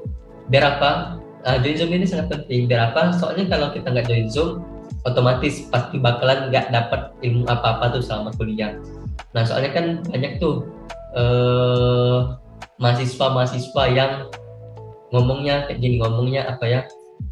Oh tiba-tiba kok sudah mau uas ya? Kok tiba-tiba nah, aku nggak dapat apa-apa nih selama kuliah online ya kalau menurut kakak sih bukan kuliah online ya nggak kita nggak dapat apa-apa tapi emang gara-gara mahasiswa itu sendiri sih kalau menurut kakak yang nggak pernah join zoom nah jadi jangan sampai kita kuliah online itu nggak join zoom ya karena soalnya di situlah kita uh, dapat ilmu pengganti kita kuliah uh, di kampus tadi. Nah itu sih kalau tips-tips dari kakak. Wih, oke okay, kak. Oh, mantap banget nih tipsnya kak. Nah, kalau ini kak, aku mau cerita dikit nih kak. Kan kalau di kelas atau mungkin bukan di kelasku doang sih, mungkin di setiap kelas mahasiswa sih ya kak. Ya. Hmm. Itu mungkin niatnya pas pagi-pagi mau kuliah tuh udah beda kak udah hmm. mau kayak Bismillah jam kos Bismillah jam kos yeah. pengennya ke jam kos itu kan membuat uh, gitu udah salah niat dari awal nih kak yeah. menurut aku sih kak uh. nah kalau dari kakak gimana kak kalau kayak gitu berharap jam kos itu hmm. sebenarnya kalau menurut kakak sih untuk niat jam kos itu sebenarnya nggak salah sih sebenarnya mungkin emang terlalu apa ya terkadang mahasiswa tuh pengen jam kosong itu karena memang sudah apa ya ngerasa lelah sih. Jujur kakak juga kadang pengennya jam kosong sih. Soalnya apa? Soalnya emang kakak tuh sudah benar-benar padat gitu kan. Jadi kadang butuh waktu istirahat. Jadi ya harapannya kuliah itu jam ada jam kosong gitu kan. Nah jadi sebenarnya nggak nggak salah-salah bener sih. Nggak salah-salah amat sih. Soalnya emang apa emang kondisi kita itu pengen istirahat gitu kan. Nah tapi e, memang salahnya itu ada orang-orang yang niatnya memang apa sih? E, niatnya hmm, e, mungkin apa ya? Mungkin niatnya e, dari awal itu sudah apa ya? Sudah nggak niat untuk kuliah. Nah niat untuk nggak kuliah itu beda dengan niat jam kos. Niat untuk nggak kuliah itu emang bener-bener dia tuh uh, pengen nggak dapet ilmu gitu. Nah beda kalau jam kos jam kos itu kan karena kita itu terlalu padat jadi pengennya jam kos. Nah kalau nggak niat kuliah itu emang sudah nggak niat untuk nyari ilmu itu untuk dapat ilmu. Nah itu yang salah. Nah jadi terkait untuk niat itu juga penting sih. Emang kita niat kuliah tuh terkadang memang kita itu niatnya pengen aktif kuliah tapi ternyata dosennya itu malah nggak datang nah itu emang terkadang kita kecewa juga sih dengan hal gitu. Ya yang penting niat dari kita itu tulus niat kita itu untuk mencari ilmu. Nah itu yang penting. Jaga niat kita tetap positif. Sekalipun pada kenyataannya bakalan mengecewakan. Ya tetap positif lah. Niat kita tetap harus kita jaga niat positif kita. Itu sih. Wih, jadi ya nggak apa-apa kayak berharap jam kos itu kayak. Mm-hmm. Yang penting uh, benar-benar em kita butuh gitu. nah jadi ya tadi kan kak, tadi nurut dosen tuh lah. Kak. iya, kalau kita kuliah nih harus mau tidak mau nurut dosen. hmm. Dosennya nak ganti jadwal, good. Nah, iya. itu yang biasanya nih agak susah. Nah ini kak, mungkin ada nih teman-teman pendengar nih yang kan di rumah nih kan kuliah online. Nah itu saat di rumah itu banyak gangguan bukan dari gangguan lain nggak gangguannya dari mungkin dari keluarga kak bagi yang tinggal sama keluarga ada yang minta tolong inilah nah gimana itu kan orang tua nih kak nah kita mau nolak gimana kan kak? Iya benar. Nah itu gimana kak menurut kakak? Iya sih. Uh, sering ini juga sih sebenarnya sering di dinasihati oleh dosen-dosen kakak sih. Uh, kalau kalau tips dari dosen kakak tuh gini, kalau emang uh, kita kuliah online, emang tuh emang kadang itu orang tua kita kan orang tua kita tuh minta tolong bantu bantu. Apalagi ketika di rumah pasti banyak tuh orang tua kita minta tolong ini tolong itu. Ya emang sebagai anak kewajiban kita adalah bantu orang tua. Tapi kalau kata dosen kakak tuh gini uh, terkadang kan orang tua kita itu nggak tahu tuh kalau kita sedang kuliah. Nah jadi uh, sebelum kuliah tuh mungkin kita bisa omongin tuh ke orang tua kita pak atau bu yang penting tetap sopan tuh. Uh, kalau kita itu sedang ada kuliah gitu kan jadi mohon pengertiannya gitu kan. Insya Allah hmm. orang tua juga kan nggak mungkin kan mengganggu anaknya belajar gitu kan pasti orang tua juga ngerti kan. Nah yang penting kita kasih tahu tuh orang tua. Jadi penting juga tuh jaga komunikasi dengan orang tua nah jadi uh, kita apa ya sesekali nolak bukan nol, uh, nolak uh, nolak minta tolong orang ketika orang tua minta tolong itu sebenarnya uh, nggak apa-apa yang penting ada ada apa sih ada memang benar-benar kondisi yang kita itu nggak bisa nolong orang tua nah hmm. insya Allah orang tua juga ngerti uh, orang tua orang tua aja ngerti apalagi Allah kan insya Allah ngerti. Yang penting kita tuh uh, niat kita tuh bukan pengen membantu orang tua tapi uh, pengen bantu orang tua tapi memang kondisinya nggak memungkinkan. Nah yang penting tadi kalau saran dosen kakak tuh omongin orang tua kita kalau kita sedang ada uh, sedang ada kuliah. Insya Allah orang tua kita juga ngerti sih. Iya sih kak. Emang mm -hmm. ini juga kan yang kuliah kuliah ini kan yang bayarin juga orang tua kak. Masa masa iya sih. juga. Iya benar ya. pasti orang tuanya nambah ngerti lah pak. Pokoknya apalagi hmm. kan sudah nih keringat tenaganya payah-payah biaya orang anaknya belajar. Terus ganggu hmm. anak. Kan nggak mungkin tuh gangguin anaknya hmm. belajar. Jadi ya komunikasi itulah kayak Mm-mm, penting dikomunikasi dikomunikasiin ke orang tuanya. Ya mungkin lanjut kak Mm. nah ini agak berkaitan dengan yang tips fokus kuliah nih kak. Nah. kan kalau kita kuliah online nih yang yang dimaksudnya online kan pasti walaupun kita onlinenya pakai laptop pasti Hmm. di sebelah kita tuh ada handphone Android Hmm, iya itu kan kadang-kadang bisa gimana kan kak niatnya cuman lihat misalnya WA aja nih kak lihat Uh-uh. ada yang ngechat di grup set kita mau baca sekilas doang padahal. Malah nimbrung jadi. Set panjang kan gitu kak. Nah itu gimana sih menurut kakak kak? Oh oke. Masih tahu nih langsung langsung kak. Ya sih bener. Emang kakak kakak juga pernah sih kayak gitu. Eh, lagi kuliah online. Nah jadi kan karena berhubung ada HP gitu kan ada HP di dekat jadi kan pengen coba lihat aja dengan HP itu kan. Eh total tahun kakak ini tanpa sadar tuh buka IG gitu kan. Terus ngecek nyekel nge-scroll nge-scroll. Akhirnya kuliah kakak terabaikan. Nah emang sih itu jadi eh, kebiasaan yang buruk juga sebenarnya itu kan. Sebenarnya bukan kuliah online juga sih terkadang kuliah offline juga kita gitu kan. Dosen jelasin uh, kita sibuk main HP juga kan. Nah, Hmm. sebenarnya uh, saingan disayangkan sih emang sebenarnya itu kebiasaan buruk. Jadi emang ada dosen kakak itu sampai waktu kuliah offline itu minta seluruh mahasiswa mahasiswa itu ngumpulin HP-nya di depan kelas. Ya sebenarnya kita nggak bisa nyalain juga dosen-dosen kayak gitu. Soalnya demi kebaikan kita biar kita fokus dengan kuliah. Nah termasuk juga ketika online ini. Nah ketika online ini fokus kuliah itu emang adalah hal yang sangat penting tuh. Karena kalau kita nggak fokus kuliah eh, online kita nggak fokus ketika dosen jelasin lewat zoom itu kita nggak bakal dapet ilmu apa apa nah jadi kalau kakak sih gini kalau kakak biasanya kakak tuh eh, gimana caranya kakak itu bisa nahan nahan hawa nafsu kakak untuk eh, main IG eh, main HP gitu.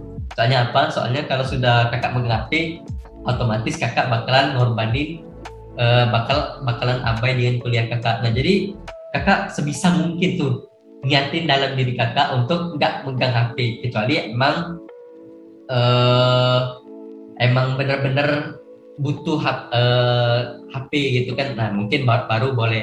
Tapi waktu kita megang HP juga ya jangan tahanlah diri kita itu untuk nggak buka-buka hal-hal yang nggak berguna kayak buka IG, buka malah buka game ada buka main ML gitu kan. Nah yang penting apa sih? Kita tahanlah dulu lah. Kita fokus dulu dengan kuliah kita. Kalau kita kuliahnya sudah selesai baru kan kita eh, boleh eh, buka IG buka eh, main game gitu. Nah yang penting sih intinya itu niati dalam diri kita untuk fokus kuliah. Itu sih kalau dari kakak. Iya. Sesuai kitanya sendiri ya. Mm-mm. Nah, mungkin ada dari teman-teman yang ini kak HP-nya ditaruh jauh gitu. Kak Nah, mungkin saking niatnya pengen itu kan pengen fokus kuliah. Nah kalau ini kan kak sekarang kan online nih kak ya Hmm. beberapa dosen tuh ini kak ada yang kuliahnya cuma lewat WA Hmm. nah itu Iya. cara memaksimalkannya itu gimana sih kak susah loh kalau kuliah cuma lewat WA cuman Iya ngirim sih. PDF terus voice voice note kan Hmm. itu agak susah nah itu kan penggunaan sosial media nih kak cara Hmm. maksimalinnya gimana kayak mau dengerin dengerin juga Iya sih. lama kan voice note-nya kan Hmm. Nah, kalau menurut kakak itu gimana kalau kuliah lewat WA Iya, jujur kakak pasti anak-anak FKIP ini pasti sering belajar soal-soal eh, soal-soal kayak gini. Gimana Hmm. tentang apa tentang cara-cara apa ya kalau istilah kakak tuh cara-cara menjadi guru yang benar-benar guru gitu kan.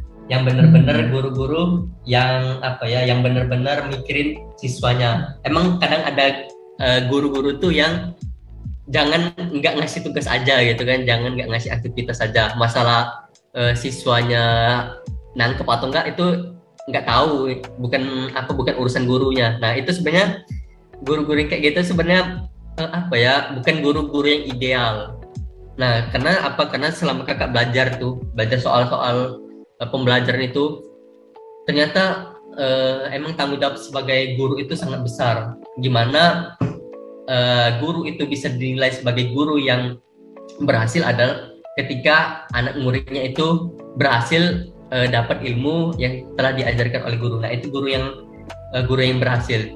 Nah, jadi uh, cepat uh, kembali ke pertanyaan si Syafiq tadi kalau emang uh, ada dosen-dosen yang uh, cuman ngasih PDF terus uh, minta mahasiswa yang belajar sendiri. Ya sebenarnya uh, apa ya? Apa uh, sebenarnya emang kita sendiri sulit sih emang untuk nangkep kayak gitu. Nah apalagi uh, emang sih nggak bisa nyala ke dosen-dosen kayak gitu juga. Karena apa? Karena pemerintah juga sekarang ini kan nuntut uh, nuntut apa ya menuntut mahasiswa atau peserta didik itu untuk lebih aktif gitu kan. Aktif mencari sendiri aktif e, membaca-membaca sumber-sumber ilmu lain di luar perkuliahan. Nah emang nggak kita nggak bisa kita salahkan. Nah sedangkan e, emang e, dosen itu atau guru itu sebagai fasilitator saja. Jadi nggak bisa kita salahkan. Jadi kalau menurut kakak sih e, emang sih e, idealnya kita itu harusnya aktif aktif mencari ilmu itu sendiri. Tapi secara realistis kan kebiasaan kita itu kan lebih ke diarahkan oleh dosen kita diajarin oleh dosen kita. Nah jadi kalau emang ada dosen yang minta kita cuma baca PDF dengerin materi ya apa ya? Kalau kakak sih uh, ya udahlah kita ikutin aja. Kembali lagi kan yang namanya dunia kuliah ini kita harus ngikutin apa kata dosen kita uh, mau dosen kita nyuruh baca PDF aja ya udah kita ikutin aja. Nah yang penting uh, kita aktif-aktif aja sih. Kalau misalnya emang kita berasa kurang ilmu ini dapetin dosen itu nah bisa kita cari lagi lewat YouTube atau di luar perkuliahan itu kan? Atau bisa kita uh, lewat cari-cari uh, jurnal untuk nambah ilmu kita. Nah jadi uh, bukan halangan juga sih untuk kita tetap nyari ilmu uh, yang mungkin dengan dosen-dosen yang mungkin tipe-tipenya seperti itu yang hanya ngasih-ngasih materi saja. Nggak benar-benar jelasin. Kayak gitu sih kalau dari kakak. Ya benar sih kak. Mungkin bisa kita kan ngikutin dosen aja kan kak? Mungkin mm-hmm. bisa lewat YouTube tadi kayak kata kak Holis tadi kan? Mm-hmm.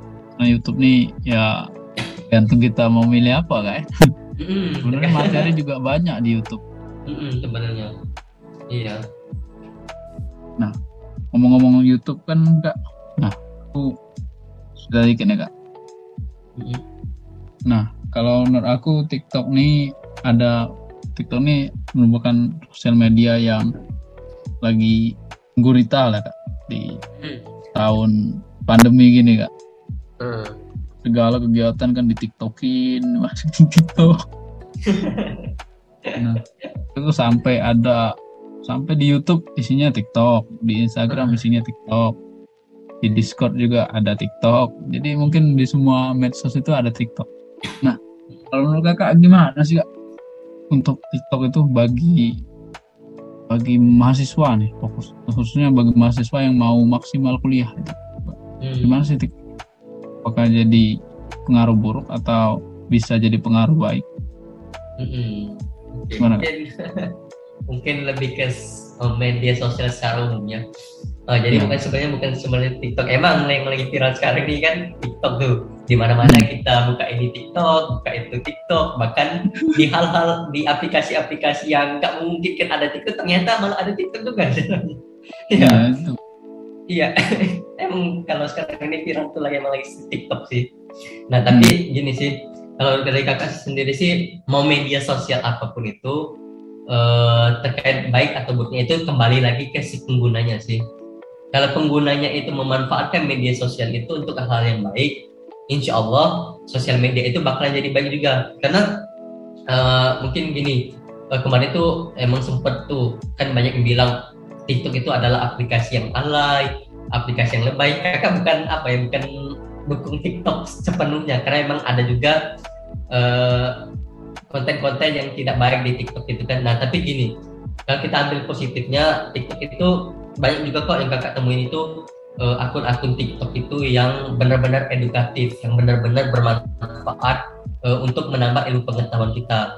Misalnya kayak contoh kakak contoh yang setahu kakak itu di akun TikTok itu ada namanya advokat konstitusi. Nah jadi di akun TikTok itu mereka benar-benar edukatif untuk membahas soal-soal terkait konstitusi kita soal-soal dunia hukum kita. Nah itu kan sebenarnya eh, bisa tuh kita cari kita manfaatkan untuk menambah pengetahuan kita. Nah artinya apa?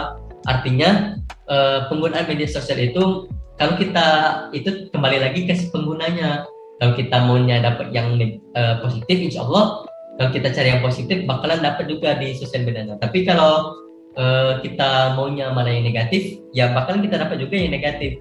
Jadi kembali lagi si penggunanya. Jadi kita nggak bisa juga nyalain ke aplikasinya sih. Nah jadi mau aplikasi apa pun itu kan penggunanya itu buruk bakalan dapat uh, pengaruh yang buruk juga. Tapi kalau penggunanya itu baik menggunakannya juga dengan baik insya Allah dapatnya juga bakalan yang baik dari sosial media itu itu sih kalau kakak ya, paham jadi ya kita sebagai penggunanya yang mengatur ya karena hmm. ya media itu ya cuman software gitu kan nah bisa iya. Ya, cuman hmm. sudah dirancang dari algoritmanya. Mungkin bagi mahasiswa kom ini sudah ngerti semua. Iya, pasti lebih paham lah daripada kakak. Ya. Algoritma, algoritma gitu kan. Iya, kak. kayak algoritma. Oke, lanjut nih kak. Nah, hmm. kan untuk maksimal lagi untuk kuliah nih kan terkadang tuh ada loh beberapa mata kuliah ini untuk di kuliah ya sih kak. Mata kuliah yang memakan waktu tuh sampai ya sampai zuhur itu di skip gitu kak. Jadi misalnya azan zuhur malah dilanjutkan. Padahal di jadwal itu seharusnya kan ada jeda kan kak. Nah selama online ini kan ada yang dosen yang emang mau lanjut terus kan gitu kak. Nah terus ada juga yang mungkin kasus lain kan. Ada yang jadwal pengganti tapi taruhnya sore gitu. Sore yeah. sampai sampai maghrib gitu. Nah itu agak juga itu kan nah gimana sih kak biar kita tetap ikut kuliah tapi hmm. ya ibadahnya tidak dilupakan kak? Benar-benar ya sih kakak juga pernah ngalamin sih soal kayak gini. Tapi untuk semester sekarang sih kakak sudah enggak tapi kakak pernah pengalaman juga di semester kalau nggak salah antara saat uh, tahun lalu atau semester dua semester tahun uh, sebelumnya. Kakak juga pernah tuh dapat MK di hari Jumat yang jadwalnya itu kalau nggak salah itu jam jam sepuluh sampai jam setengah dua belas. Nah tapi dosennya itu hmm. malah ngasih tugas itu malah sampai deadline-nya itu jam setengah satu atau jam dua belas atau jam setengah satu nah Nah itu kan otomatis kan bakalan ganggu bener-bener mengganggu uh, kewajiban kita yaitu sholat Jumat. Nah emang sih terkadang ada dosen-dosen uh, yang kayak gitu sih entah karena dosennya itu yang lupa atau emang dosennya itu yang nggak ngerti atau emang dosennya itu yang mungkin apa ya bukan apa bukan agamanya gitu kan nah mungkin ada dosen-dosen yang seperti itu nah kalau dari kakak sih gini yang penting pinter-pinter kita untuk mempertimbangkan semua hal itu. Nah misalnya gini, contohnya kayak kakak tadi itu kan, uh, misalnya uh, sholat Jumat itu kan biasanya kan jam 12 itu kan kita sudah pergi tuh ke masjid kan. Nah sedangkan tugas deadline kakak ini kan, uh, kalau nggak salah itu sedikit kakak itu setengah satu atau jam 12 intinya benar-benar di waktu sholat Jumat yang harusnya kita sebagai ikhwani khususnya kan kita sholat Jumat. Ya. mungkin akhirnya nggak masalah tetapi ikhwannya sholat Jumat kan? Nah pada saat kondisi itu tuh kakak tuh mempertimbangkan yang pertama kakak lakukan itu yaitu mempertimbangkan apakah dengan adanya deadline tugas ini apakah bakalan mengganggu atau bakalan e, terabaikan atau tergadaikan lah istilahnya tergadaikan kewajiban kita untuk sholat tadi. Nah jadi kalau kita pada kondisi yang seperti itu yang pertama itu kita harus itu benar-benar mikir matang tuh. Benar-benar kita pikirkan apakah bakal tergadai atau tidak kewajiban kita. Yang pasti antara kuliah dengan uh, sholat yang pasti kan kita bakal utamakan sholat. Soalnya itulah hakikat utamanya kita tadi yang seperti kakak bahas tadi. Nah tapi hmm. kalau memang masih memungkinkan untuk kita mengerjakan tugas ya terus uh, kewajiban kita kita juga bisa kita tetap bisa kita ikuti. Ya kalau kakak sih uh, ya udah namanya kuliah itu kan kembali lagi kan ikut apa kata dosen kan. Ya udah kita ikut hmm. aja dosen itu kan. Nah tapi kalau memang pada kondisi-kondisi tertentu yang sudah um, tidak memungkinkan untuk kita ngikuti perkuliahan ya kalau kakak sih uh, ya udah sih tinggalin aja sih kuliah itu. Soalnya kan emang konsep uh, apa tujuan utama kita gitu kan lebih pentingin ibadah tuh. Nah terlepas dari bakal konsekuensi kita bakal dihukum oleh dosen itu ya nggak apa sih ya udah kita terima aja. Toh nanti dosennya juga bakalan nerima konsekuensi juga dari apa yang telah dia perbuatnya yaitu uh, mengganggu waktu ibadah kita. Nah jadi sama-sama menanggung konsekuensi. Nah jadi jangan risau soal itu. Yang penting kita bisa pikir matang soal-soal hal tersebut. Nah tapi terlepas dari hal itu uh, yang pertama tuh uh, kita tuh kasih tahu juga si dosen kita. Kasih tahu dulu dosen kita pak atau ibu kita uh, bentar lagi bakalan sholat nih. Ingetin aja dosen dosen kita bakalan kalau bakalan bentar lagi tuh kewajiban kita untuk ibadah tuh. Insya Allah kalau dosen-dosen di jurusan kakak di jurusan kakak ya kalau jurusan kakak tuh dosen-dosen itu pada ngerti ketika kita ingetin kalau sudah waktunya untuk mendekat waktu kewajiban kita untuk beribadah. Insya Allah dosen itu ngerti. Nah yang enggak yang salah itu kalau kita uh, nggak ingetin. Nah itu jangan sih jangan sampai kita nggak ingetin. Karena terkadang yang dosen itu kan manusia juga terkadang kan mungkin lupa kan. Nah jadi hmm. uh, yang penting itu pertama kali itu kita ingetin dulu dosennya terus kita juga harus pintar-pintar mempertimbangkan uh, bagaimana uh, apakah kewajiban itu akan tergadaikan atau enggak? Itu sih pintar-pintar kita juga ngatur aktivitas dan waktu. Itu sih kalau kata ya jadi ya balik lagi ngikutin dosen lah ya kak. Tapi bisa kita mengatur untuk tidak melupakan mm -hmm. ibadah tadi. Mm -hmm. nah kayaknya udah selesai nih kak. Bincang-bincang kita. Duh, nggak terasa ya kak ya perasaan baru baru, baru ya perasaan baru lima menit 10 menit udah kita udah selesai aja nih ya, ya. Ini mungkin sudah dulu ini kak cerita cerita kita ngobrol-ngobrol santai kita tentang tema memaksimalkan diri dalam hmm. dunia perkuliahan ini. Oke, hmm. mungkin dari kak Holis ada ini kak kata-kata penutup atau kata-kata motivasi ini kak buat teman-teman biar semakin semangat dalam memaksimalkan diri dalam dunia perkuliahan. Hmm. Oke, okay. kata penutup nih ya. Iya kak ya kalau sebenarnya kata eh, nggak uh, jago-jagonya ya uh, buat kata-kata penutup kakak juga nggak nyiapin kata-kata penutup tapi kalau bicara soal tema kita hari ini kan kita bahas terkait memaksimalkan uh, diri di dunia perkuliahan ya ya gimana ya uh, untuk maksimalkan seperti kakak katakan tadi maksimal bukan berarti banyak tapi maksimal adalah ketika kita uh, kegiatan yang kita ikuti itu benar-benar efektif untuk meningkatkan kapabilitas diri kita dan kita juga bisa berpartisipasi secara maksimal di kegiatan itu. Nah, terus juga uh, kembali lagi kita di dalam perkuliahan ini mungkin masih banyak uh, yang kita itu uh, apalagi di uh, kuliahnya di universitas universitas negeri jadi yang ilmu-ilmu agama itu emang benar-benar kurang tuh. Nah, jadi kembali lagi hakikat utama kita Eh, sebagai manusia itu kan adalah untuk mengaji pada Allah. Nah, jadi walaupun kita universitas negeri, kita juga jangan lupa dengan ilmu-ilmu akhirat atau ilmu-ilmu agama. Nah, jadi itu sih kalau kakak dari kakak sih dua hal itu yaitu yang pertama maksimal bukan berarti banyak dan juga jangan lupakan ilmu akhirat. Nah, itulah uh, dua hal yang kunci untuk kita maksimal di dunia perkuliahan. Nah, kalau kakak dari kakak itu sih untuk kata penutupnya. Oke, okay. masya Allah sekali. Kata penutup dari Kak Holis mungkin bisa nih diterapin oleh teman-teman hmm. yang mendengar ya. Oke, okay, sebelumnya ini kak, terima kasih kak ya sudah menyempatkan diri hadir di cerita wifi ini walaupun yeah. tadi katanya banyak tugas. ya kakak juga terima kasih kok uh, diundang di diberi kesempatan untuk diundang di acara yang luar biasa nih di kegiatan yang luar biasa. Iya kak, sama-sama juga kak dari kami berserta panitia. Kami yang hmm. terima kasih nih kak. Ya. Juga terima kasih juga Kak atas ilmunya yang disampaikan tadi. Semoga jadi amal jariah lah. Kan Oh, salah satu amal jariah itu Amin, yang amin. bermanfaat. Iya, iya. Jangan suka suka juga untuk undang kakak lagi. Oke siap Soalnya Kak. terasa Ntar- sih. Podcast di sini nggak terasa total sudah mau habis. Woi. Ntar dihubungi lagi lah Kak, untuk episode ke depannya Kak.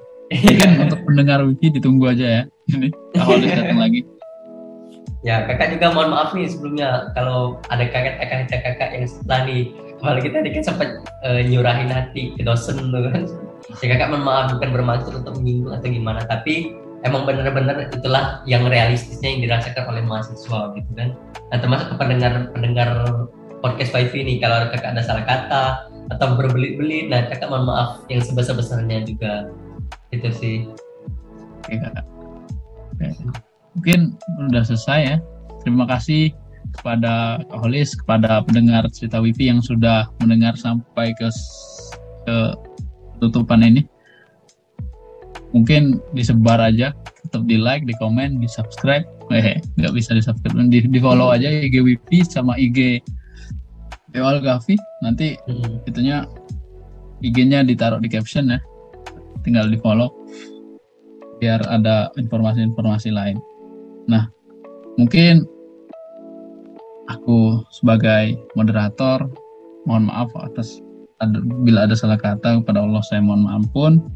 Saya tutup dengan doa kafaratul majelis subhanakallahumma wa bihamdika asyhadu an la ilaha illa anta astaghfiruka wa atubu ilaik. Syukran, hazamini wassalamualaikum warahmatullahi wabarakatuh. Jangan lupa untuk tonton episode-episode cerita wifi berikutnya ya.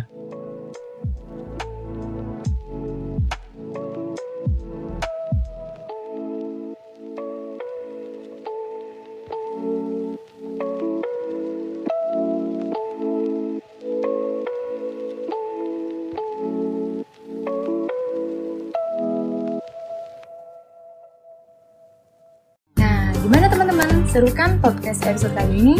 Jangan lupa untuk terus dengerin podcast kita dan tungguin terus episode selanjutnya yang gak kalah menarik. Jangan lupa juga buat follow Instagram kita di @wifi.media dan jangan lupa juga siapin pertanyaan yang kamu mau tanyakan. Kalian juga bisa nanya seputar agama ataupun apa pun yang kalian mau tanyakan. Caranya tinggal komentar aja di postingan episode cerita Wifi di Instagram Wifi Media. Sampai ketemu lagi. Wassalamualaikum warahmatullahi wabarakatuh. Wifi bercerita di mana pun kamu berada.